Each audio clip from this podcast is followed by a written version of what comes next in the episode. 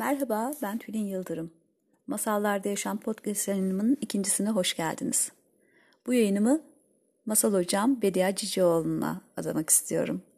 Yaptığı katkılar ve bana verdiği destekler için teşekkür ederim. Bugünkü masalımız eskilerden bir masal. Evvel zaman içinde, kalbur saman içinde, cinler cirit oynar eski hamam içinde, develer tellal iken, pireler berber iken, ben ninemin beşiğini tıngır mıngır sallar iken, ninem düştü beşikten, dedem düştü eşikten, biri kaptı maşayı, biri kaptı şişeyi, gösterdiler köşeyi. Ben kaçtım onlar kovaladı, onlar kovaladı ben kaçtım. Az gittik, uz gittik, dere tepe düz gittik. Altı ay bir güz gittik. Dönüp bir de arkamıza baktık ki ne görelim. Bir arpa boyu yol gitmişiz. Başlangıçta gök tanrısı dünyaya çok yakınmış. O zamanlar erkekler ekim biçmek, kadınlar yemek pişirmek zorunda değildi ve çocuklar hiç aç kalmazdı. Çünkü büyük gök tanrısı hepsinin ihtiyaçlarını karşılardı. Bir acıkırsa gökyüzünden bir parça kesip yerdi. Enfes bir tadı vardı. Gökyüzü bazen etli kebap, bazen közde kızarmış mısır, bazen de olgun ananas tadında olurdu. Yapacak çok az iş vardı. O yüzden insanlar güzel kumaşlar dokuyarak, kadınlar heykeller yaparak ve birbirlerine macera hikayeleri anlatarak vakit geçirirlerdi. Toprakların sahibi obaydı ve muhteşem bir sarayı vardı. Nedimleri en görkemli elbiseleri giyerlerdi ve kibar ve terbiyeli tavırlarıyla ünlüydüler. Mahiyetindekiler içinde bir grup uşak vardı ki görevleri sadece günlük yemekler ve özel günler için gökyüzünü kesip şekillendirmekti. Fakat gök tanrısı kızgındı. Çünkü insanlar müsriftiler. Çoğu zaman yiyebileceklerinden fazlasını kesiyor ve kalanını da çöpe atıyorlardı. Bu diyarlardaki bütün çöp yığınlarında ekşiyip bozulduğumu görmekten usandım diye kara kara düşünüyordu gök tanrısı. Bir sabah güneş doğarken gökyüzü aşırı karardı. Obanın sarayının üzerinde büyük kara bulutlar toplandı ve yukarılardan büyük bir ses gümbürdedi. Oba, güçlü adam, halkın benim armağanımı ziyan ediyor. Seni ikaz ediyorum. Onu artık ziyan etme. Aksi takdirde gideceğim.'' Oba dehşete kapılıp derhal ülkenin her köşesine gökyüzünün bu ikazını iletti. İnsanlar çok dikkat ettiler. Ta ki yılın en büyük festivaline kadar. Bu festivalde obanın kendi gücü kutlanırdı. En iyi saray dansçıları gece boyunca dans ettiler. Oba kendisi de tören giysileri içinde halkı için dans etti ve Nedimleri ''Güçlü obaya selam olsun'' diye şarkılar söylediler. Beşinci güne gelindiğinde her evde ve her sokakta şenlik vardı. Buna rağmen Herkes çok dikkatliydi ve hiç kimse gökyüzünden misafirlerine ikram edeceğinden bir gram fazlasını kesmiyordu.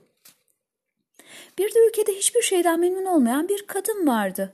Adı da Adese'ydi. Kocasının ona aldığı mücevherlerin hepsini taktığında ağırlığından zor yürüyordu. Fakat yine de daha fazla kolye istiyordu.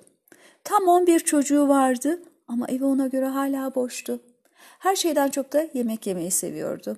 Kutlamaların yedinci gününde Adese ve kocası obanın sarayına davet edilmişlerdi ve gece yarısına kadar yemekler yiyip dans ettiler. Ne güzel bir geceydi diye düşündü sonra Adese bahçesinde dururken tam tamlar, zenginlik, yemekler.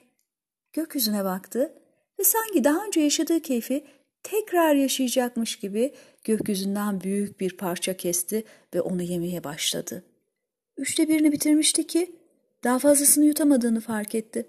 Ah olamaz. Ben ne yaptım diye feryat etti. Bunu bir yere atamam. Otolo diye bağırdı kocasına. Geldi bu gökyüzü parçasını benim için bitir. Kocası bütün gece dans etmekten yorgun düşmüştü. Ve karnı da hala obanın sarayın dediği gökyüzüyle tıka basa doluydu. Ancak iki diş alabildi. Çocuklar uyandır diye bağırdı Adesa. Fakat çocukların karnı da çok doluydu.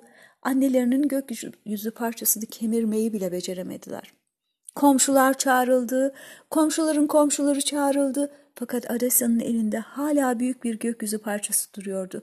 Sonunda o da boş ver dedi. Ne olacak sanki? Çöp yığınında bir parça daha oluversin ve kalanları evinin arkasındaki çöp tenekesine attı. O an obanın sarayın üzerinde yıldırımlar çaktı. Yer gökyüzüyle sarsıldı ve yukarıdan gür bir ses duyuldu. Oba! Güçlü adam! Halkın bana saygılı davranmadı. Şimdi sizi bırakıp uzaklara gideceğim. Artık toprağa sürmeyi, ürünleri toplamayı ve ormanda avlanmayı öğrenmek zorundasınız. Kendi emeğiniz sayesinde doğan armağanlarını ziyan etmemeyi öğreneceksiniz. O gece hiç kimse iyi uyuyamadı. Sabah olduğunda güneş çatıların üstünden ve pencerelerden gökyüzü gerçekten gitmiş mi diye dikkatle bakan erkek, kadın ve çocukların başlarını aydınlatıyordu. Evet gitmişti. Gerçekten gitmişti. Yukarılara doğru uzanabileceklerinden çok daha ötelere çıkmıştı. İşte o günden beri kendi yiyeceğimizi kendimiz yetiştirmek zorundayız. Toprağa sürüyor, ürünleri ekiyor ve onları biçiyoruz.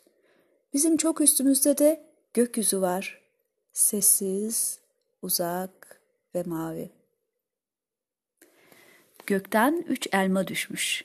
Biri bu masalı anlatana, biri bu masalı dinleyene, biri de dünyadaki tüm iyi insanlara. Bir başka masalda buluşmak üzere. Sevgiyle.